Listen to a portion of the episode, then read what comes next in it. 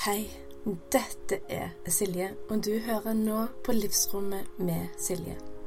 Denne podkasten her er den du hører på for å bli inspirert, for å bli løfta opp, for å lære nye ting, men òg sånn at du finner din vei gjennom motgang og selvfølgelig medgang, sjøl om du har prøvd så mye allerede.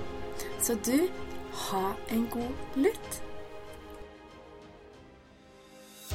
Boken jeg har skrevet, som heter 'Løft deg sjøl opp', den har jeg skrevet til deg som ønsker å forstå sammenhengen mellom kropp, sinn og sjel, hvordan den utspiller seg for deg i ditt liv, i din kropp, eh, under dine utfordringer. Fordi at den helhetlige tilnærmingen til da et bedre liv, et bedre helse, ei bedre helse og et bedre forhold til deg sjøl, er fordi at kropp, sinn og sjel tas like mye i betraktning, og det er fort gjort å glemme en av dem. Og kroppen din er så mye mer enn bare den fysiske kroppen. Denne boka her gir deg svar på hva kan du sjøl gjøre? Hva er faktisk mulig for meg? Og hvordan er det mulig? Og hvordan henger alt dette sammen? Og du får kjøpt boka via linken som er i the show notes. Og gi meg veldig, veldig, veldig gjerne tilbakemelding på hva du syns om boka når du har lest den. Velkommen til en ny episode her på Livsrommet med Silje. Og er det noe som aldri slutter å fascinere meg og imponere meg, så er det kroppen. Altså, hallo, for en kompleksitet, for noen systemer. Det er så sammensatt og komplekst og så eh, syklisk og sirkulært og avhengig av hverandre. Og det ene biproduktet sørger for en annen ting i en annen syklus, altså kroppen. Og i denne episoden her skal du få innblikk i hva er nevroplastiske plager. Hva er egentlig nevroplastisitet? Det jeg visste før vi spilte inn denne podden, meg og min gjest Ellen Flø Skagen, det var det at hjernen er nevroplastisk. Den er formbar. Du kan lære den opp. Men hvordan kan man bruke dette her, la oss si konseptet, i hermetegn, for å få mindre vondt? For å forstå vondtene i kroppen, som gjerne legen sier at bare sitter i hodet, som gjerne òg legene i flertall sier nei, dette her skjønner vi ikke, vi kan dessverre ikke hjelpe deg. Dette her er episoden til deg. Og min gjest Ellen Flø Skagen er fantastisk, og jeg var så imponert over den visdommen, klokskapen, erfaringene hun hadde opparbeidet seg, og det er bare superkjekt at jeg kan gi deg denne episoden med den fine samtalen som vi hadde. Ha en god lytt. Velkommen, Ellen, til Livsrommet med Silje. Tusen takk. Tusen takk. Det er så kjekt at du hadde lyst til å komme på besøk her hos oss. Veldig koselig. Her trives jeg allerede. ja, så bra, så bra. Og du har jo noe utrolig spennende du holder på med. Eh, og har en fantastisk historie i eh, beltet, holdt jeg på å si. eh, men først av alt, før vi går inn på det, har du lyst til å fortelle litt til lytterne hvem er Ellen? Ja, det var jo det store spørsmålet. Spør jeg meg sjøl om av og til òg. Men eh, nei, hvis jeg skal starte med det nærmeste, så så jobber jeg jo i dag med å hjelpe mennesker.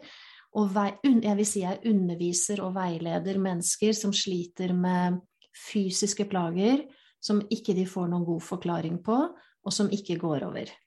Så jeg jobber med, som det som kalles, eh, som jeg selv kaller i hvert fall, nevroplastisk veileder. Så begrepet nevroplastisitet ligger i bunn for den jobben jeg gjør.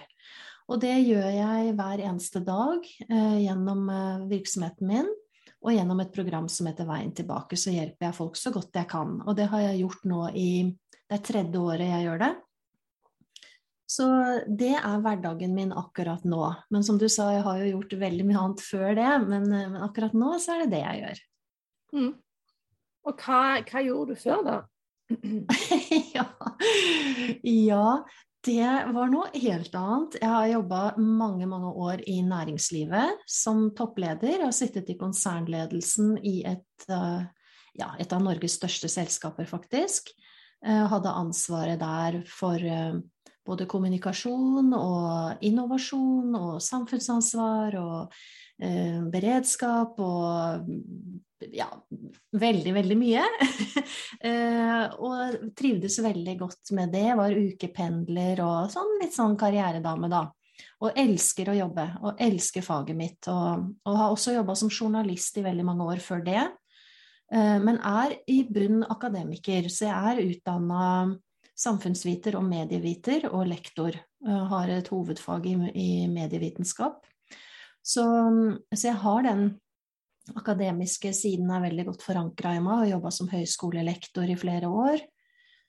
Eh, og parallelt med både det akademiske og det næringslivsmessige, så har jeg òg hatt eh, veldig stor glede i i hvert fall 25 år av helt andre ting som har vært med på å holde meg i balanse i mitt liv. Eh, mindfulness har vært veldig viktig for meg. Eh, yoga har jeg drevet med i veldig mange år. Kampsport har jeg tre svarte belter. Du snakket om, oh, wow. om historier i beltet, så jeg har tre belter. Men hvilke kampsporter da? Du, det er en kampsport som heter nanbudo som er en japansk kampsport som er en blanding av karate og aikido. Eh, som er eh, veldig, veldig fin, da. Som, eh, som, ikke er så stort i Norge, men som er ganske no, Noen byer som har det. Da. Så det var litt tilfeldig at jeg begynte med det. Holdt jeg på med i 14 år. Var instruktør og sånn. Så, men poenget med å si det var at jeg har ved siden av alltid drevet med diametralt motsatte ting. Og jeg er også mindfulness-instruktør og yogalærer. Og det har vært veldig viktig for meg for å holde som sagt, balansen i det livet som var veldig krevende der ute. Eh, corporate life er ikke for eh, Det er ikke noe søndagsskole. Det vet jo alle i arbeidslivet. Så, og i hvert fall ikke når du skal sitte med stort ansvar også. Så for meg var det viktig å finne en måte å, å klare det på, for jeg hadde lyst til det. Eh, og da ble det viktig for meg. Men så, så var det jo andre grunner som gjorde at jeg tenkte at jeg hadde lyst til å uh, bruke alt jeg kan og hadde forstått av ulike ting som hadde skjedd i vårt liv, som gjorde at jeg ønska å bruke det på en litt annen måte enn jeg hadde gjort bare for meg selv, men faktisk for å hjelpe andre også. Ja, nydelig. Jeg har uh, trent karate i mange år. Har du bare, det? Ja. Er det sant? Nei, så gøy. Jeg, eh, jeg måtte gi meg pga. et kne da, som ikke ville. Ja, og kne er veldig viktig å ha i behold når man trener kampsport. Det er det. Eh, men jeg har eh, sølv fra NM eh, i kumite i, fra hva årstall blir det? 2001, kanskje? Wow, det var imponerende! Du har konkurrert og greier? Ja, det var, det var kumite som var min, min ting. Wow. Så, og da, på den tida så var den karateklubben Det her ble jo en digresjon, da, men OK. Eh, den tida eh, så var min karateklubb en av de beste i Norge. Det var liksom tre i toppen, og min var en av de, da. Eh, så vi hadde halv, over halve landslaget var i min klubb, som jeg trente med. Og da, når man omgir seg med dyktige folk, så lærer man jo. Visst gjør man det. Det smitter jo over, vet du. Det blir et klima som ja. er eh, et, et nevroplastisk klima, kan vi godt kalle det. Et godt nevroplastisk klima hvor man lærer og plukker opp ting. Ja. Mm. Altså, det var veldig gøy å oppleve mestring og få til ting og vekst og graderinger og klare nye belter. Ja. Og, ja. Veldig, veldig gøy. Ja, absolutt. Men tilbake igjen til historien din. Du oppdaga jo at uh, nevroplastisitet var et, uh, ikke et element, men et konsept som du hadde lyst å vie mer oppmerksomhet. Hvorfor det? Ja, det, da må jeg nesten starte med å fortelle at vi opplevde faktisk to ganger at barna, først det ene barnet vårt og så det andre barnet vårt havnet i en utmattelsestilstand som ikke vi helt uh, så gikk over av seg selv. Det ble, gikk ikke over, og vi forsto ikke hvordan vi skulle møte det klokt. Uh, så første gang var for ti år siden med sønnen vår, og andre gang var uh, datteren vår for tre-fire år siden, som da fikk hun en kyssesyke. Så det er jo en sånn veldig vanlig ting som kan skje for ungdom. Men samtidig oppdaget jeg jo begge gangene at det er veldig lite få svar på hva er det Selv om det var veldig ulike grunner til at det skjedde sannsynlig. Det er ikke alltid du vet hvorfor det skjer, men du bare konstaterer at her har det skjedd noe, og hva gjør vi nå? Så når jeg oppdaga at det var veldig lite, lite gode råd å få, annet enn å bare hvile og ta tiden til hjelp, og det går nok over og sånt, så, så tenkte jeg ja, men det må være en forklaring, for det er ingentingen under solen som ikke kan forstås, eh, selv om ikke vi har funnet eh, forklaringen på det enda. Og der var jo mitt akademiske sinn eh, godt å ha, og jeg er ganske systematisk av meg, så jeg, etter hvert som tida gikk med førstemann, og jeg tenkte Jeg leste kanskje litt for mye av ting som gjorde meg veldig redd. Og, og, historier om at uh, her er det Dette går det ikke an å gjøre noe med, og dette her er så håpløst, og uh, Jeg kjente jo med hele meg hva det gjorde med meg. Det gjorde meg ikke godt. Jeg kjente at jeg ble veldig svak av det, jeg ble veldig redd, jeg ble veldig fortvilet. Så det hjalp meg ikke til å se muligheter på noen måte. Så mest for å Mest for å også klare å stå på beina sjøl, så valgte jeg å legge alt det vekk. Og så tenkte jeg det jeg er interessert i, det er å vite hva gjorde de, de som ble friske. For jeg visste jo at det var noen som kom seg ut av det. Og hvis jeg kan bruke min dømmekraft og min, eh, mitt intellekt og all min fornuft til å prøve å forstå hva er vitenskapen som kan forklare det, så må jo det være mulig å forstå.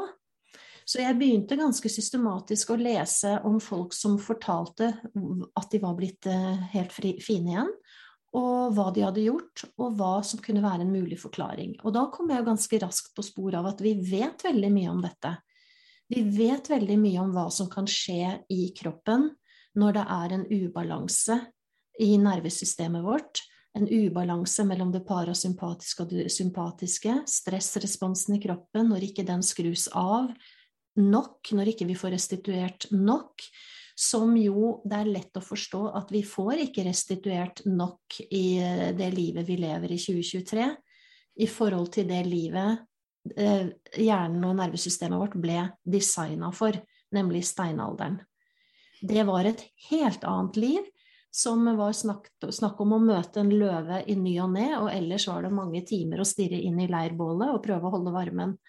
Um, for, bare for å si det litt flåsete, så var det et helt annet liv. Og så har på en måte livene våre endra seg så mye uten at egentlig tilpasningen i vårt system har klart å henge med. Og jeg tror nok at veldig mye av det har skjedd, særlig med den digitale revolusjonen. Og særlig kanskje med smarttelefoner, sosiale medier, eh, den globale verden, nyheter som vi får inn i stua vår, og som trigger oss litt hele tiden litt krav om å levere på arbeidsplassen vår, litt krav om å være gode foreldre, gode venner, være sunne, spreke, spise riktig. Det er så himla mye som ligger litt og lar oss aldri få helt fred, for vi kan alltid gjøre litt til. Og vi har tilgang til så mye som forteller oss hvordan det bør være. Så selv om ikke det behøver å være noen dramatiske ting, eller stress eller voldsomme belastninger, så ligger livene våre leves i en kontekst av at det er litt stress hele tiden. Og, og det betyr jo at um, det er vanskelig å restituere uh, godt nok. Uh, og hvis det da kommer noen belastninger på toppen av det, så tror jeg det er grunnen til at mange i dag eh, havner et sted hvor det henger seg opp, og man klarer rett og slett ikke komme seg til hektene igjen. Det er sånn min erfaring er, og det er sånn jeg ser det resonnerer for veldig mange, og det, det, er det vi vet om dette òg, at det, det, kan skje. Og Det vet vi som sagt veldig mye om, men vi har kanskje ikke satt det helt i sammenheng med de tilstandene vi ser så veldig mye av i dag, da, på stadig flere områder og stadig, eh, hos stadig flere mennesker. Så mm, jeg tror at Mye av det disse gamle buddhistene fant ut i hula si i fjellet etter 40 års meditasjon for 3000 år siden, mye av det er faktisk innsikter som hadde hjulpet oss veldig i dag, eh, og som jeg ser er med å forklare veldig mye av det som skjer med menneskesinnet og menneskekroppen og mennesket i verden. Så jeg ser at moderne vitenskap og moderne psykologi og moderne forskning og rundt helse og mye, mye spennende som skjer, faktisk òg har en parallell til noe vi egentlig vet mye om, både fra visdomstradisjonene våre, men òg fra tradisjonelle kunnskap og vitenskap. Det var, et, det var, jo et langt svar da, Silje. Ja, det, var, det, blir det var... litt sånn med meg, altså. Men når du setter to damer sammen som begge to liker å snakke, da må du bare bli superbra. Og kanskje fyldig, men det er sånn det er. Men jeg tenker det, Jeg fanget opp noe av det du sa. Det med barn, det med smarttelefon og mobil, og at alt er så tilgjengelig at vi blir trigga i liten grad for ofte. Jeg tenker Jeg har tre jenter. De er syv og et halvt, elleve og 13. Og avhengighet er jo noe vi diskuterer titt og ofte, for de mener stort sett at de ikke er avhengig. Meg og faren har et annet perspektiv. Og vi tenker litt sånn så at i hvert fall så skal mobilene Ingen skjerm, ingen TV, ingen mobil, ingenting sånn. Eh, et par timer før leggetid. Vi demper lyset, vi konsentrerer oss om andre ting, vi legger fokuset vekk fra skjerm og mer til tilstedeværelse. Eventuelt om vi spiller et spill eller spiser kveldsmat. Eh, at vi på en måte For jeg ser hvor mye, mye stress og triggere det kan være i den skjermen, spesielt for ungene. Så det, jeg håpet at du hadde egentlig noen tips jeg, til alle mødre og fedre der ute som har lyst å ha litt mindre skjerm. Uh, ja, det, det er, er, det ikke sikkert jeg har. Det er ikke sikkert jeg har så lyst til å, å, å mene så mye om det. Fordi um, det viktige er at foreldrene har kunnskap. Uh, og så at de lar den kunnskapen skinne igjennom i måten de både snakker med barna sine om det på, og, og selvfølgelig hva de prøver å forklare dem er viktig. Og kanskje også lærer de litt om hvordan hjernen vår fungerer, og hvorfor det er viktig å ta pauser av og til. Men samtidig eh, at ikke det blir for strengt, og at ikke det blir for rigid. og at ikke det blir, eh, For vi tåler utrolig mye.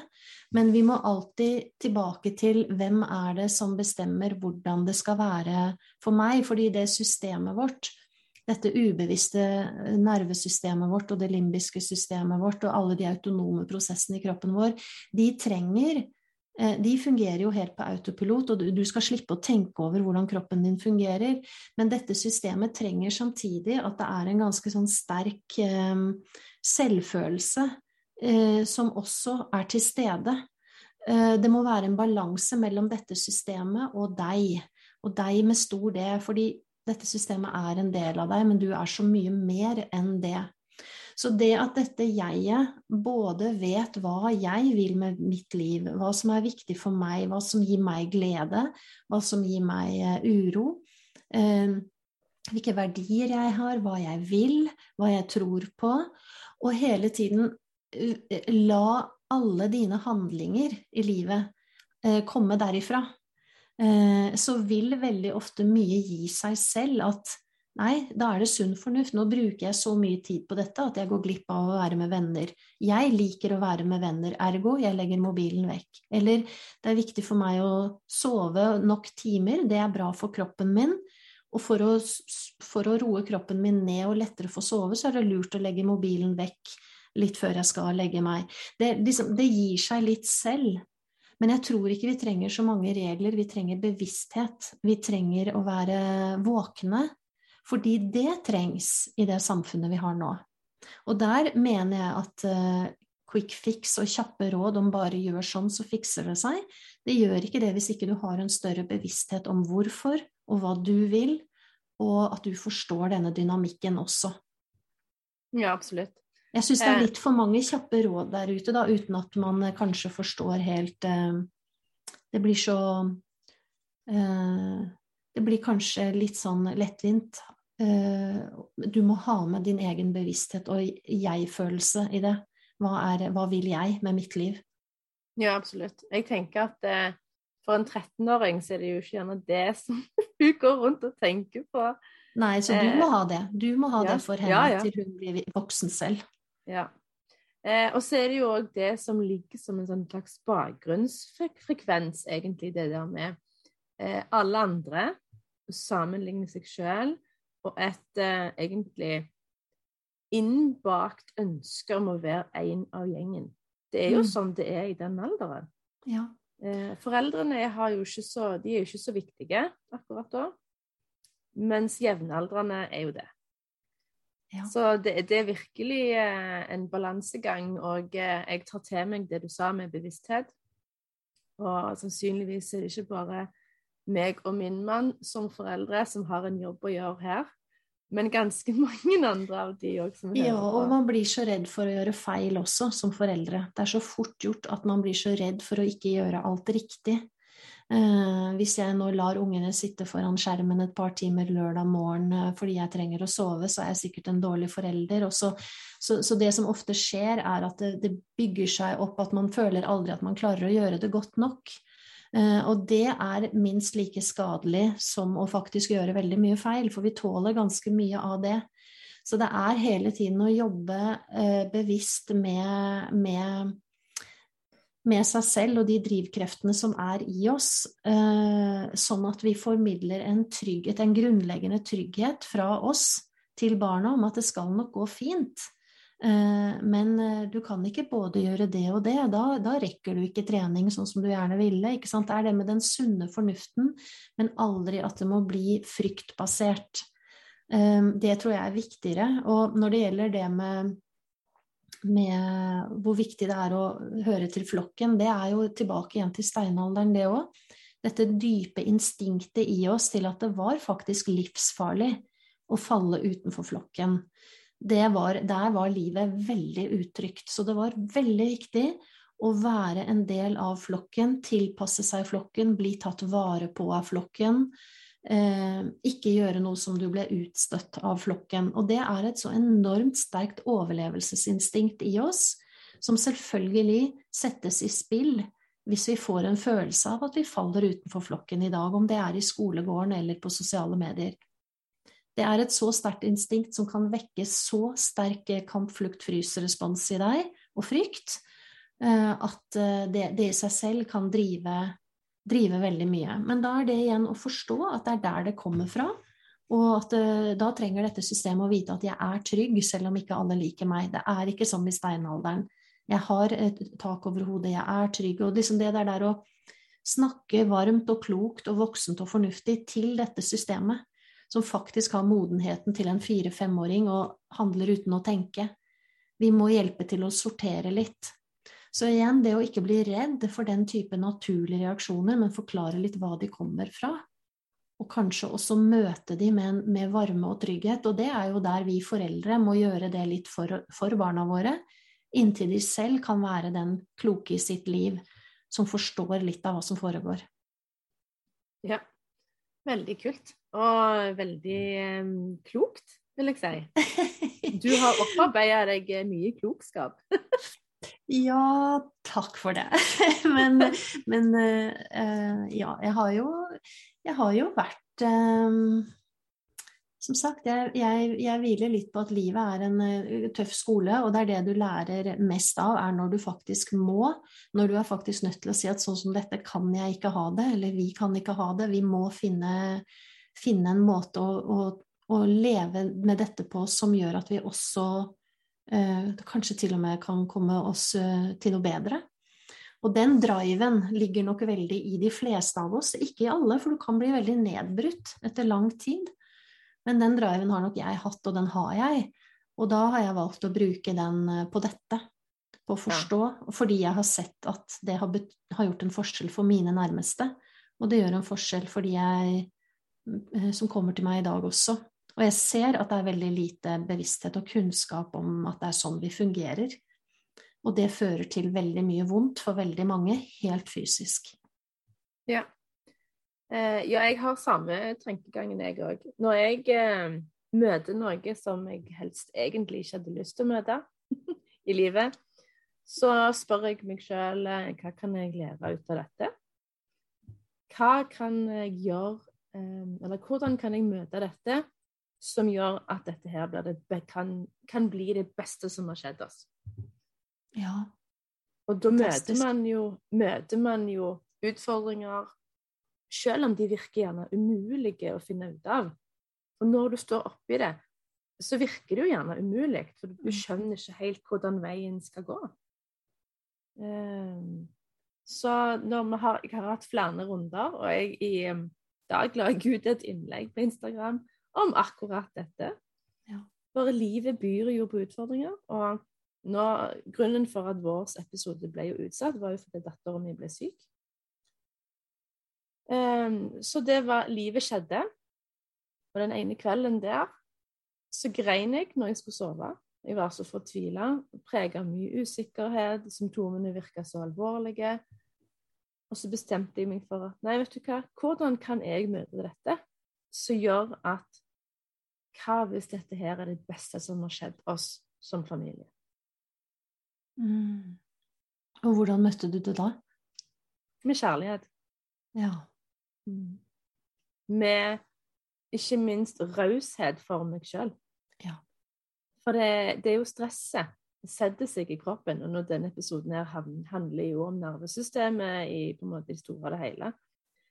Og stress, å møte stresset og romme det, det har vært en stor forskjell hos meg.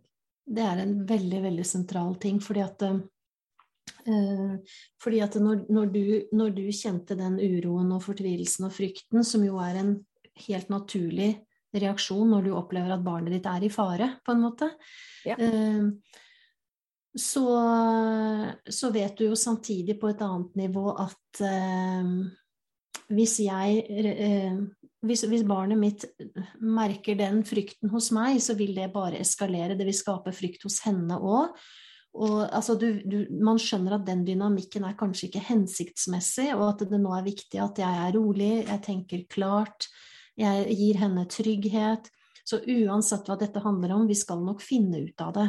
Vi skal finne ut av det. Nå gjør vi én ting av gangen. I morgen skal vi til legen. Og så hører vi hva han sier. Og i mellomtiden så skal vi prøve å ha det hyggelig og prate vanlig sammen og, og la Sånn at vi, vi, som, som, foreldre så er det veldig viktig, å, som du var der, da, å være veldig bevisst på hvordan vi formidler u, vår uro og, og, frykt til barna våre, men det gjelder egentlig til alle rundt oss. Og, og, vite at du har en rolle i den dynamikken som da enten kan eskalere eller kan hjelpe til å roe seg ned. For våre system smitter hverandre. Vi har speilnevroner alle sammen og er utstyrt med det, så vi henger sammen. Sånn at ditt system vil påvirke mitt system helt, uten, helt ubevisst. Og, og, det betyr jo at jeg hadde en sånn episode som jeg ofte forteller om i programmet mitt også, at eh, når jeg skulle ut og fly med, med, barna våre var veldig små, datteren min var tre uker bare, og sønnen vår var to og et halvt år, og vi skulle fly fra Sandefjord til Bergen, vi bodde i Bergen på den tida, og det var nyttårsstorm, og jeg var alene, og jeg er egentlig litt redd for å fly. Så vanligvis hadde mannen min tatt seg av eh, barna, og så hadde jeg prøvd å meditere eller et eller annet. Men der var jeg jo alene. Og så begynte sønnen min å bli litt redd, for det var mye risting og humping og bråking. Og da måtte jo jeg mobilisere en ro jeg egentlig ikke hadde, for jeg var egentlig livredd selv. Men jeg, jeg, måtte liksom think bigger than I feel. Jeg måtte mobilisere og si det går helt fint, gutten min. Det er bare litt sånn humper i veien og det er bare sånn, Nå later vi som vi er på tivoli. Og så prøvde jeg å være vennlig og rolig og roe han ned. Og så tok vi fram en bok og avledet oppmerksomheten vår litt. Nå skal vi lese litt i denne, snart er vi framme. Så gjør vi dette så lenge. Og det som skjedde, er jo at selvfølgelig roet han seg, for når mamma sa det var trygt, så var det trygt. Men jeg roet også meg selv. Så det, det, virker både utover og innover, de ordene vi velger å bruke, den roen vi prøver å mobilisere. det å prøve å regulere dette litt bevisst, det slår innover samtidig som det påvirker alle rundt deg. Og derfor er det eh, tilbake igjen til det med det bevisste valget du tar når du kjenner at noe ikke gjør deg godt.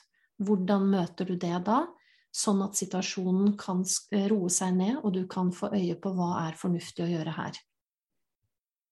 Ja, det jobber vi veldig mye med, for dette gjelder uansett om du har havna i en i en tilstand som du ikke kommer ut av, eller du bare lever et vanlig hverdagslig liv. Vi er alle et eller annet sted på den skalaen til enhver tid, hele tiden, av balanse og ubalanse. Mm. Eh, en annen fin ting her med denne OK, fin ting. En, eh, et, eh, fin, en glimt av fint inni en relativt heftig periode var at i starten ble vi jo ikke trodd av helsevesenet.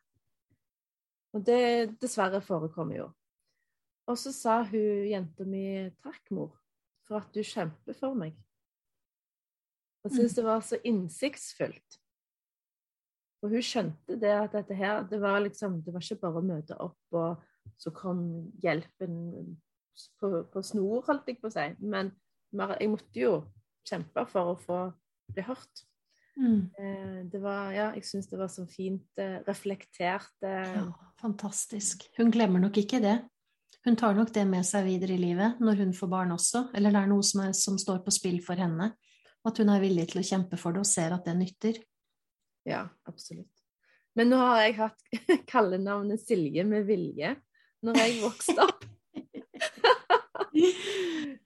men det er mest positivt, men òg litt sånn for uh, utbrent uh, Jeg har jo vært det noen ganger, for det at jeg har bare strekt strikken for langt. Uh, men fordelen da med å gå på sånne smeller, er at for iallfall for min del har det kommet veldig mye visdom eh, og erfaring ut av det, som jeg nå mm. bruker å lære videre til de som er i mine kurs. Ja. Og det kan si det jeg er opptatt av, det er jo i tillegg til til det så er jeg veldig opptatt av å vise den fysiologiske siden av det som er helt fysisk, som er helt reell, som er helt hormonell, som er helt fysiske signaler, som er nevrokjemi. Det det er sånn kroppen vår og systemet vårt er skrudd sammen. Så jeg er veldig opptatt av å flytte det som mange kanskje tror bare er prat om fine ting, til at det er en grunn til at den praten er uh, lur å ta, og at det er lurt å se det på den måten, fordi det er det er rett og slett sånn vi fungerer. Og da bruker jeg ganske mye tid på å forklare hvordan er det vi fungerer, hvordan er fysiologien vår? Hvordan er hjernen skrudd sammen, hvordan henger det sammen med alle systemene i kroppen? Hormonsystem, fordøyelse, immunforsvar. Hvordan eh, er alle organene våre styrt helt konkret, hvert eneste sekund, av de signalene den får fra den ubevisste delen av hjernen vår via nervesystemet?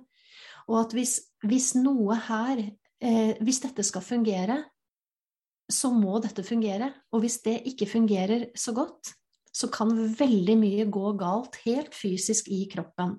Så det der med å forklare at det er ikke du som kjenner for godt etter, det er ikke du som innbiller deg ting, det er ikke sånn at det bare sitter i hodet, det sitter i kroppen fordi det går signaler til kroppen som om det var fare på ferde. Og, og over tid så vil også det ene systemet og det ene organet etter det andre begynne å lide av at det er i en eh, eh, stresstilstand for lenge. Og det vil sette seg som harde koblinger som gjør at det begynner å gå feil signaler til kroppen. Så begynner det å krysskoble, og så kan alt mulig rart skje. Så de tingene som kan skje i kroppen, er helt bokstavelige, helt fysiske. Og jeg tror det er den linken mange ikke helt har våget å tro. Kan det være sant? Ja, det er helt sant. Så det er ikke bare på det, det planet at det er kjekt å vite, og det, det er helt bokstavelig og helt fysisk inn i kroppen vår. Og det er nok kanskje for mange den store aha-opplevelsen rundt nevroplastisitet og jeg vil si mange andre forskningsfelt òg. Eh, epigenetikk, kvantemedisin. Det er veldig mye spennende forskning som skjer på dette feltet. Eh, som, gjør, som viser at dette har en helt fysisk side. Eh, og hvis vi starter med å prøve å skape balanse i dette systemet, så vil det å endre alle signalene som går til kroppen, sånn at det kan begynne helt av seg selv å komme i balanse igjen. Du behøver ikke gjøre noe annet enn det. Kroppen gjør det den får beskjed om gjennom disse signalene. Den er egentlig bare en uskyldig tredjepart oppi det hele. Så disse her nevroplastiske plagene, de favner, det favner jo veldig mye. Både smerter, utmattelse Har du noen andre eksempler? Ja, det kan jo i prinsippet være hva som helst, men for veldig mange av de som jeg jobber med, så har de gjerne startet med utmattelse eh, eh, etter eh, det, for Stadig flere kommer til meg etter covid, f.eks. Long covid. Det kan være etter en annen infeksjon, som kyssesyke eller influensa. Det kan være etter en annen tøff fysisk påkjenning, som f.eks. en kreftbehandling, eller en skade i kroppen, et brudd, en hjernerystelse. Eh, et traume mot kroppen. Eh, men det kan òg være mental og emosjonell belastning over lang tid, eller et jevnt press over for mange år, og så er det én liten ting som tipper det. Men, og, og, som sagt, for veldig mange så kjenner de seg igjen i det med den utmattelsen som, som det ikke går an å hvile seg ut av. Samme hvor mye jeg hviler, så kommer jeg ikke til hektene igjen. Den er veldig klassisk. Jeg får råd om å hvile, men hvor mye skal jeg egentlig hvile? Det blir jo ikke bedre. Og så får jeg kanskje råd om å eh, tilpasse aktiviteten min, aldri holde meg, eh, gå utenfor 70 eller 80% og, hvis jeg, og det går bra ganske lenge, men så en dag så smeller det, og da blir jeg redd og usikker og tenker hva gjorde jeg feil nå? Jeg gjorde sikkert for mye, jeg må gjøre mindre. Nå gikk jeg for langt.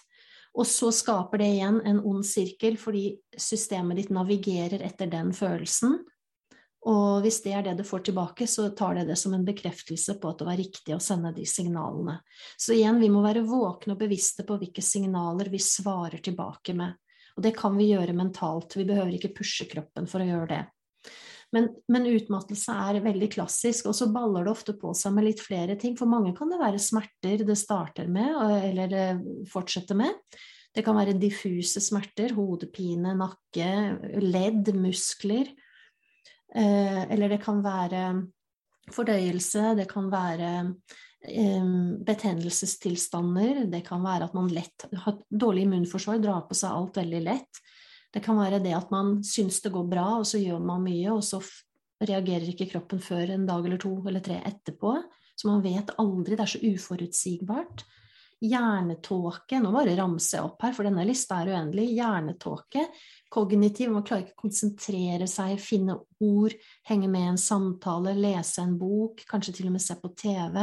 Det er vanskelig å samle seg mentalt, fordi hjernen tillater ikke at du gjør den, for den trenger at du løper opp i et tre for å komme deg unna en løve. Det er der eh, systemet ditt er. I hvert fall, eh, ja. Så, så, og jeg har hatt med mange som har hatt alle mulige rare ting som dukker opp i kjølvannet av at det over tid står og slurer sånn som det her.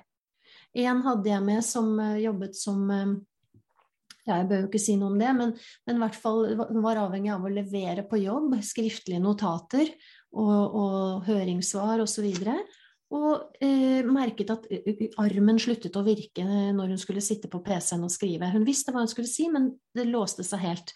Det var som en sånn, sånn eh, Eh, akkurat som du ikke finner ord, så klarte ikke kroppen å virke. Så fordi hun var så stressa, det sto så mye på spill, så hun måtte sitte langt utover natta for å, for å kunne gjøre seg ferdig, og ble jo da bare mer sliten, selvfølgelig, og fortvilet. Og det er vondt i, en, vondt i alle mulige deler av kroppen. Så det er, det er, bare fantasien som setter grenser for hva dette systemet Hva som kan gå galt, da, hvis det først, hvis det først begynner å gå galt og skjære ut. Og da forstår jeg jo supergodt at man blir livredd og skjermer seg mer og mer og gjør mindre og mindre, fordi, fordi uansett hva du gjør, så, så, gjør du jo noe feil, føler du. Du er jo livredd for å Hva skal jeg gjøre som ikke er feil? Jeg vil jo ikke bli verre. Og så begynner den der prosessen med at systemet ditt tar mer og mer og mer plass, og du tar mindre og mindre og mindre plass fordi du blir så redd som er helt naturlig. Alle ville blitt det. Det er helt riktig respons, og rasjonell respons, egentlig. Men når dette systemet er helt ute å kjøre og ikke lenger vet hva som er opp og ned, så kan vi ikke bare um, um, Da må vi faktisk begynne å lære dette systemet noe annet. Da hjelper det ikke lenger å bare hvile. Da må vi opp på systemnivå og begynne å se hvordan kan dette systemet få lære at jeg er trygg i denne situasjonen, det går fint, jeg tar vare på meg selv, nå tar vi en pause, men jeg passer på hele veien, og jeg sender, som du gjorde til datteren din, jeg sender varme, jeg sender kjærlighet, jeg sender trygghet, jeg sender ro, og jeg tar meg tid til å gjøre det inntil du roer deg litt ned, sånn som jeg gjorde med sønnen min på flyet da han var to og et halvt år. Eller et barn som står og raser i butikken og vil ha godteri, så kan du nøkke det med deg og slepe det ut, og det blir bare dårlig stemning. Eller du kan la barnet få vilja si og gi det da alt godteriet det vil for å få fred, det vet du er ikke bra. Eller du kan si nå står jeg her rolig og venter til du har rast fra deg, og så går vi ut av butikken og så gjør vi noe hyggelig. Så det er på en måte det å møte det systemet på den måten, så vil det merke at å ja, det er ingen grunn til alarm, altså, fordi du sender ikke alarmsignaler tilbake. Du bekrefter ikke alarmsignalene ved å bli redd, ved å unngå det, ved å bli oppslukt av hva gjorde jeg feil, nå må jeg aldri mer gjøre det. Det er det dette systemet navigerer etter, nemlig. Og det vil enten fortsette den onde sirkelen, eller det vil bryte det. Avhengig av hva du sender tilbake. Så det var jo igjen da, et langt svar, men det er der hele hemmeligheten, hvis du kan kalle det det, hele nøkkelen ligger til å begynne å jobbe målretta med det. Det første som jeg tenkte på nå, er hvorfor har vi ikke hørt om dette her før nå, i hermetegn? Ja, på en måte er det jo helt utrolig, for det skulle jeg jo ønske vi hadde hørt om. Hadde jeg, hadde jeg, tatt med meg sønnen min på 16 år til legen den gangen for ti år siden, og legen hadde hatt denne kunnskapen, så tenker jeg kanskje det var en dame, hun ville sagt at ok, nå sjekker vi først det, vi sjekker det, vi sjekker det, vi tar de og de prøvene, vi utreder det og det og det, og hvis ikke det er noe av det, så kommer du tilbake hit, for da tror jeg jeg vet hva det handler om. Og da skal jeg lære deg litt om det, og om et par måneder så er du kanskje tilbake på skolen igjen. Den kunnskapen hadde vært uvurderlig om flere hadde. Stadig flere begynner å få den, men, eh, men, det er fortsatt et stykke igjen. Fordi vi har ikke nok empirisk forskning som, eh, som bekrefter nøyaktig disse tilstandene til eh, denne vitenskapen. Men Eh, som jeg sa den gangen, det har ikke jeg tid til å vente på. Fordi jeg kan nok vitenskapsteori til å vite at det kan ta 10 og 20 og 30 år. Så her må jeg faktisk inn og bruke min egen sunne fornuft. Så, så, og så tror jeg det har kommet så veldig mange tilfeller på så kort tid. Da jeg vokste opp på 70- 80-tallet, så var det ingen som var hjemme fra skolen og lå på et mørkt rom. Jeg kjente ikke så mange, jeg hadde ikke hørt om det, og heller ikke foreldre som var hjemme og utbrent. Altså det var Det var ikke noe man hørte om. Det betyr ikke at ikke det fantes, men jeg tror med den livsstilen og den digitale revolusjonen og, og presset i samfunnet har gjort at dette har tvunget seg fram mer, og vi er nødt til å finne ut av dette nå. Absolutt. Det her tenker jeg det her må deles, det her må adresseres, det her må formidles til egentlig alle. Alle kanaler. Alle. Og mm. uansett om du som jeg sier, uansett om du eh, er i rød sone og ikke fungerer i livet ditt eller ei, så er dette viktig kunnskap. Det, det jeg merker, er at um, For mange sier og dette burde du lære til alle, dette burde alle vite. Ja, men jeg har òg skjønt, og sånn er vi mennesker, det er ikke før ting blir skikkelig ille at du faktisk eh, ofte er motivert nok til å gjøre en så stor endring som dette krever. Eh, så jeg føler meg veldig takknemlig, fordi de jeg jobber med, de, de, har kommet til det punktet hvor du sier sånn som dette kan jeg ikke ha det lenger. Det ikke, nå har jeg prøvd alt. Jeg skal ikke være her. Det er ikke snakk om. Så, så jeg må gjøre noe helt annet. Og da er du så motivert, for du kan ikke være der du er. Det er det eneste du vet. Absolutt. Mens mange andre sier ja, det kunne vært kjekt å vite, men så hangler vi videre, tar en venninnetur på Norefjell på spa, eller vi tar en tur til Paris, eller vi gjør litt yoga, og så tenker vi Og så får vi litt spenning og litt avledning, og så går det videre neste dag. Så går det litt til. Det er ikke ille nok ennå, før man er villig til å gjøre denne virkelige endringen, da, som ofte trengs. Ja. Um, hva er en typisk øvelse som du har i kurset ditt? Vil du dele én? hvordan kan det se ut, liksom? Er det Ja, jeg vil, du tenker, eller ja, jeg vil si at uh, det er Jeg har nevnt litt av det, med det med å møte ting med varme helt konkret i den situasjonen du står i. Og da er det jo det å bruke følelser. Det er, noe som kalles somatic tracking. Du kjenner etter hvordan kroppen har det, og hva du er redd for, og du kjenner helt fysisk hva det gjør med deg. Så lukker du øynene et par sekunder og bare lar det få lov å uttrykke seg. Istedenfor å tenke 'å nei, der er det igjen, jeg orker det ikke'. Så si 'ok, la meg kjenne etter'. Ja, det dunker litt der, og det, det, jeg svetter litt der, og hjertet slår, og jeg får vondt i beina, og hva det måtte være. Så bare legg merke til det, og bare si 'ja, hm, interessant'. Det, kjennes der og der og der. Altså, da viser du nummer én at du er åpen og ikke redd, og våger å, å høre etter hva som blir sendt til deg. Etter at du har gjort det, så kan du si greit, jeg forstår at eh, det sikkert er for å beskytte meg fra et eller annet her. Det kan jo bare være en hard kobling som har satt seg litt sånn random.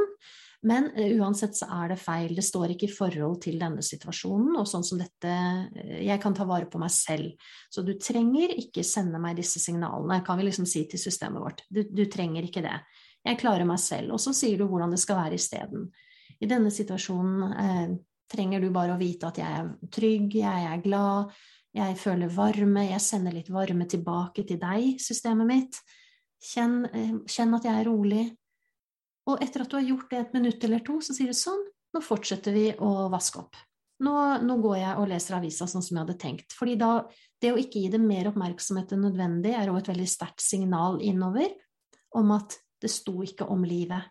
Det sto ikke så mye på spill. Og, og alt det til sammen vil være nok til at hjernen begynner å lære at det var ingen grunn til alarm, fordi responsen fra deg var ikke en bekreftelse, det var en korrigering og en ny informasjon tilbake.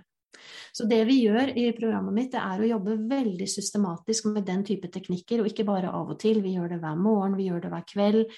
Vi bygger koblinger i helt konkrete situasjoner som du har lyst til å endre på, f.eks. å kunne gå en tur uten å måtte ligge på sofaen resten av dagen, eller kunne klare å ta deg en dusj hver dag eller kunne kjøre barna på trening eller være med på håndballkamp, hva det måtte være, så velger vi én konkret situasjon og våger å skape koblinger i den og fortelle systemet hvordan det skal være. Morgen og kveld. Repetere, repetere. Så det å møte det med trygghet og ro og varme, helt bevisst, og i tillegg eh, I tillegg bruke ord, sette ord på det. Fordi uh, følelser bærer, men ord hjelper veldig til. Ord bærer enormt mye i seg. Og vi jobber veldig mye med å finne de rette ordene som ditt system trenger å høre akkurat nå. Og det kan av og til være Og det blir som affirmasjoner, på en måte. Altså, jeg er trygg, jeg kan ta vare på meg selv, det går fint, alt er bra. Og ofte så kan man kjenne at 'åh, det var godt å si det, for det roet meg ned'.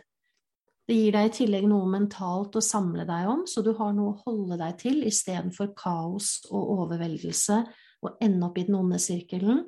Så står du litt utenfor og samler deg mentalt om noe annet så sier du det til deg selv så mange ganger du trenger til du kjenner det roer seg litt ned. Det er òg en enkel teknikk vi bruker. Og så bruker vi mange teknikker, og så setter vi dette sammen til et system og en praksis som vi gjør hver dag. Og så møter vi alt som dukker opp så klokt, og prøver å forstå det. Og prøver å sortere for systemet vårt. Hvorfor skjedde det? Hva var det systemet mitt reagerte på der? Så bruker vi kunnskapen vår til å forstå det, og så ah, nå skjønner jeg. Og så kan vi snakke med oss selv og systemet vårt om det. Jeg forstår hva du gjør, det er helt unødvendig. Nå skal jeg forklare deg hvordan det er riktig, du kan stole på meg. Så det er det å la deg, deg med stor D-en få lov å ta stadig større plass. Og jeg kan love deg at selv om det høres helt utrolig ut, så funker det. Det er veldig enkelt, dette systemet vårt, skjønner du, men det trenger en voksen som er trygg og rolig. Det er alt det trenger. Og eh, jeg vil tro at det trenger ganske mange repetisjoner òg, før ting sitter. Det trengs, eh, det trengs absolutt, og det er derfor jeg sier at eh, du kan lære Du kan få både kunnskapen og verktøyene, det kan gå fort. Men, men jeg, er, jeg, prioriterer å gi det såpass mye tid. Hos meg har vært, det har vært åtte uker, men jeg vurderer faktisk å forlenge det, for jeg ser at flere har nytte av å holde på lenger. Eh, så jeg har oppfølging i etterkant òg, og det vil jeg egentlig at alle skal bli med på, sånn at det blir en lengre periode når de er med. Fordi jeg ser at det er så mange mønstre vi har hvor frykten slår inn helt på autopilot. Og så skjer livet, og så tror man man har kontroll på det, og så dukker det opp noe annet. Og det å hele tiden bruke den kunnskapen du har fått, og forståelsen og innsikten til å stadig vokse og forstå mer, så vil dette systemet roe seg mer og mer ned, og det vil bli den nye autopiloten over tid. Det ser jeg eksempler på hver eneste dag hos meg, helt fysisk, helt konkret. Men det elementet med håp Så jeg håper at du kunne dele noen suksesshistorier. Hva har de du har hjulpet, fått ordna opp i? Ja, jeg skal ikke drive for mye egenreklame, for det tror jeg nesten ikke jeg har lov til engang. Men jeg har samla veldig mye av det folk har opplevd på en egen Jeg vil bare få lov å si det hvis jeg kan, at det er noe som heter andres erfaringer med å jobbe nevroplastisk, som, jeg har erfaring med fra de som har vært hos meg. Det har jeg en hel side med, lang liste hva, folk sier om hva de har erfart. Og det går jo på at noen opplever ganske raskt at energien kommer tilbake. Ganske raskt at man føler seg roligere, gladere. Den velværekjemien slipper mer til igjen fordi den andre kjemien roer seg ned, den stresskjemien. Eh, og da slipper mye andre gode følelser til. Sånn at det både emosjonelt og mentalt, kaos, overveldelse, prokrastinering, eh, bortforklaringer 'Dette virker sikkert ikke for meg', det kan ofte være den mest effektive måten å hindre folk i å komme i gang på. Så det å merke at det slipper litt, fordi du hele tiden møter det med 'nei, dette bestemmer jeg'. Um, og så da de fysiske effektene av at når systemet merker det fra deg, så er det noe av det mange merker tidlig, er at de har kanskje jobbet med at jeg vil gjerne kunne gå en tur, eh, eller gå på kafé med en venninne, uten at jeg skal bli helt tappet for energi av det.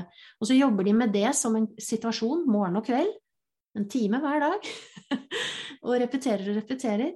Men før de får testa ut det, så sier de i dag sto jeg faktisk og mens jeg tømte opp vasken, så satte jeg på potetene samtidig som jeg gikk ned og hengte opp en vask og kokte meg litt te samtidig. Og alt det gjorde jeg uten å tenke meg om. Jeg bare plutselig var det ikke noe problem.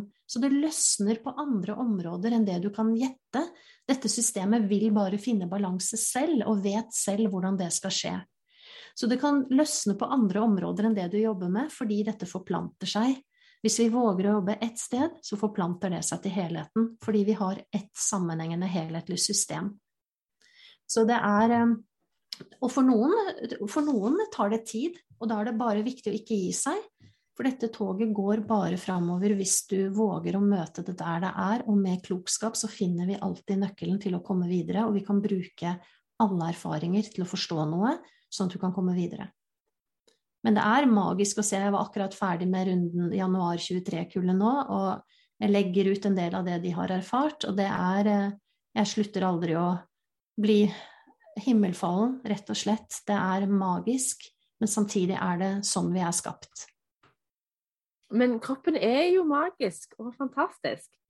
Og når man legger til rette med alt det, den kunnskapen du har, og erfaringene du har gjort deg, så vil det jo skje magi. Ja, det er mm. faktisk sant. Og, og, og kroppen er magisk, og, men det som er enda mer magisk, det er samspillet med dette systemet ditt. Det er der nøkkelen ligger. Så flytt fokuset ditt dit, eh, og la kroppen bare få lov å holde på med sitt. Det vil endre seg. Men hold fokus på hvordan du kan få systemet ditt til å skru av alarmknappen og lære hvordan det skal være isteden.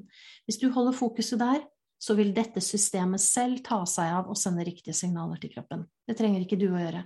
Ditt ansvar er å være partneren til systemet og være den eh, forelderen den trenger. Nydelig. Ja, det er det.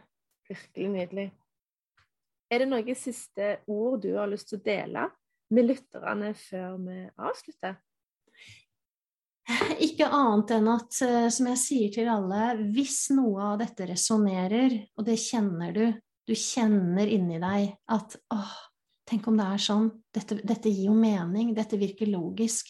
Dette, dette, har jeg lyst til å lære mer om. Så følg de brødsmulene. Følg kunnskapen. Oppsøk eh, bøker, steder, podkaster, nettsider i Norge og i utlandet som snakker om noe lignende. Følg det som resonnerer for deg. Og, og, og, hvis du vil, så se gjerne min introvideo, og vi kan ta en samtale. Uh, hvis du vil det, uh, og lurer på om det kan være noe for deg. Så, så bare følg, følg, den uh, følelsen du har av at, om dette resonnerer. Og hvis ikke det resonnerer, så, så, bare la det modnes litt, eller gjør noe helt annet. For det er mange måter du kan komme deg ut av dette på. Det er ikke bare én måte. Så gjør det som gir mest mening for deg. Jeg tror det der med at når man kjenner at det resonnerer, så er det jo kroppen som snakker. Og kroppen er veldig vis og sitter på veldig stor intelligens, etter mitt perspektiv. Eh, gjerne mer enn hjernen. Mm. I mange tilfeller. Så når, når, når, du kjenner den dragningen Ja, da vet du at du har truffet noe. Yes. Og du må følge det. Da må du følge den. Yes. Og det øver vi veldig mye på, fordi det er det som hjelper oss å navigere videre. Og etter hvert som du begynner å få den følelsen og gjenkjenne den, så er det veldig mye hjelp i å i å komme videre hele tiden. Det, det, og det er også en måte å øke selvfølelsen på, og ta mer plass igjen på.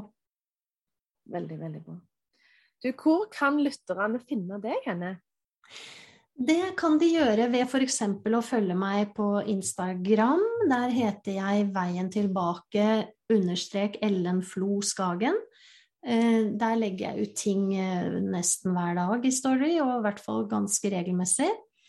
Eh, men jeg har òg en nettside som heter Mindful Mentor, for det er det firmaet mitt heter, Mindful Mentor. Eh, og der vil du òg finne denne introvideoen jeg snakker om, og du kan lese mye mer om er mine plager nevroplastiske, hvordan vet jeg det, og du kan få mange råd og tips til å komme litt videre. Men start gjerne på Instagram, der ligger også mange av lenkene i biofeltet som du trenger. Veldig bra. Du, tusen, tusen hjertelig for, takk for en fantastisk lærerik og eh, opplysende, inspirerende eh, gjesting. Tusen hjertelig takk for at jeg fikk lov å komme og snakke om det. Det, er, eh, det, betyr veldig mye for meg at jeg får lov til det, så takk for det. Jeg hører at du brenner for det. Jeg gjør det. Jeg vet mm. dette. det er ikke noe å lure på.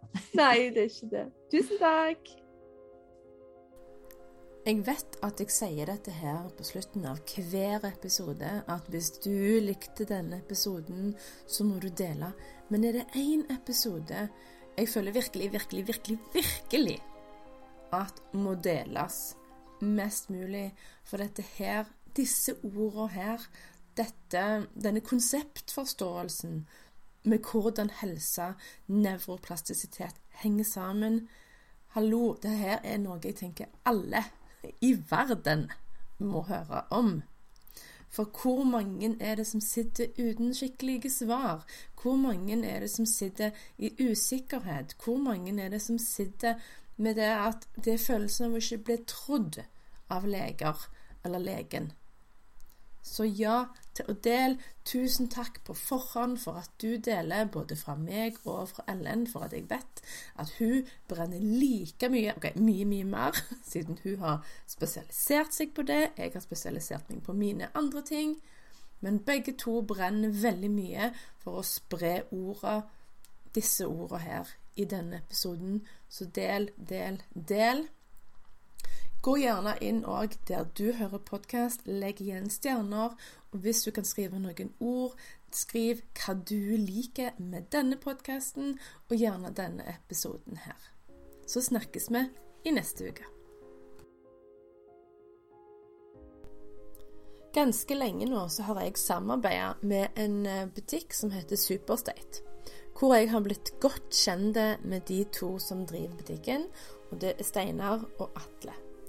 Og jeg har fått meg mange favoritter blant alle produktene de har, og de tar jevnlig inn nytt. Gjerne som ikke er å få tak på andre steder her i Norge. De importerer fra hvor det enn måtte være, når disse produktene har gått gjennom et veldig smalt nåløye på renhet, ingredienser og kvalitet og produksjonsmetode. Og jeg har fått mine favoritter. Den ene er bl.a. et enzymkompleks. Og ikke minst Unfair Advantage ampuller for et eh, energiløft fra um, Bulletproof. Og jeg vil at hvis du har lyst til å gå og finne dine favoritter på superstate.no, så kan du bruke rabattkoden THEIDEALYOU, som gir deg fine 10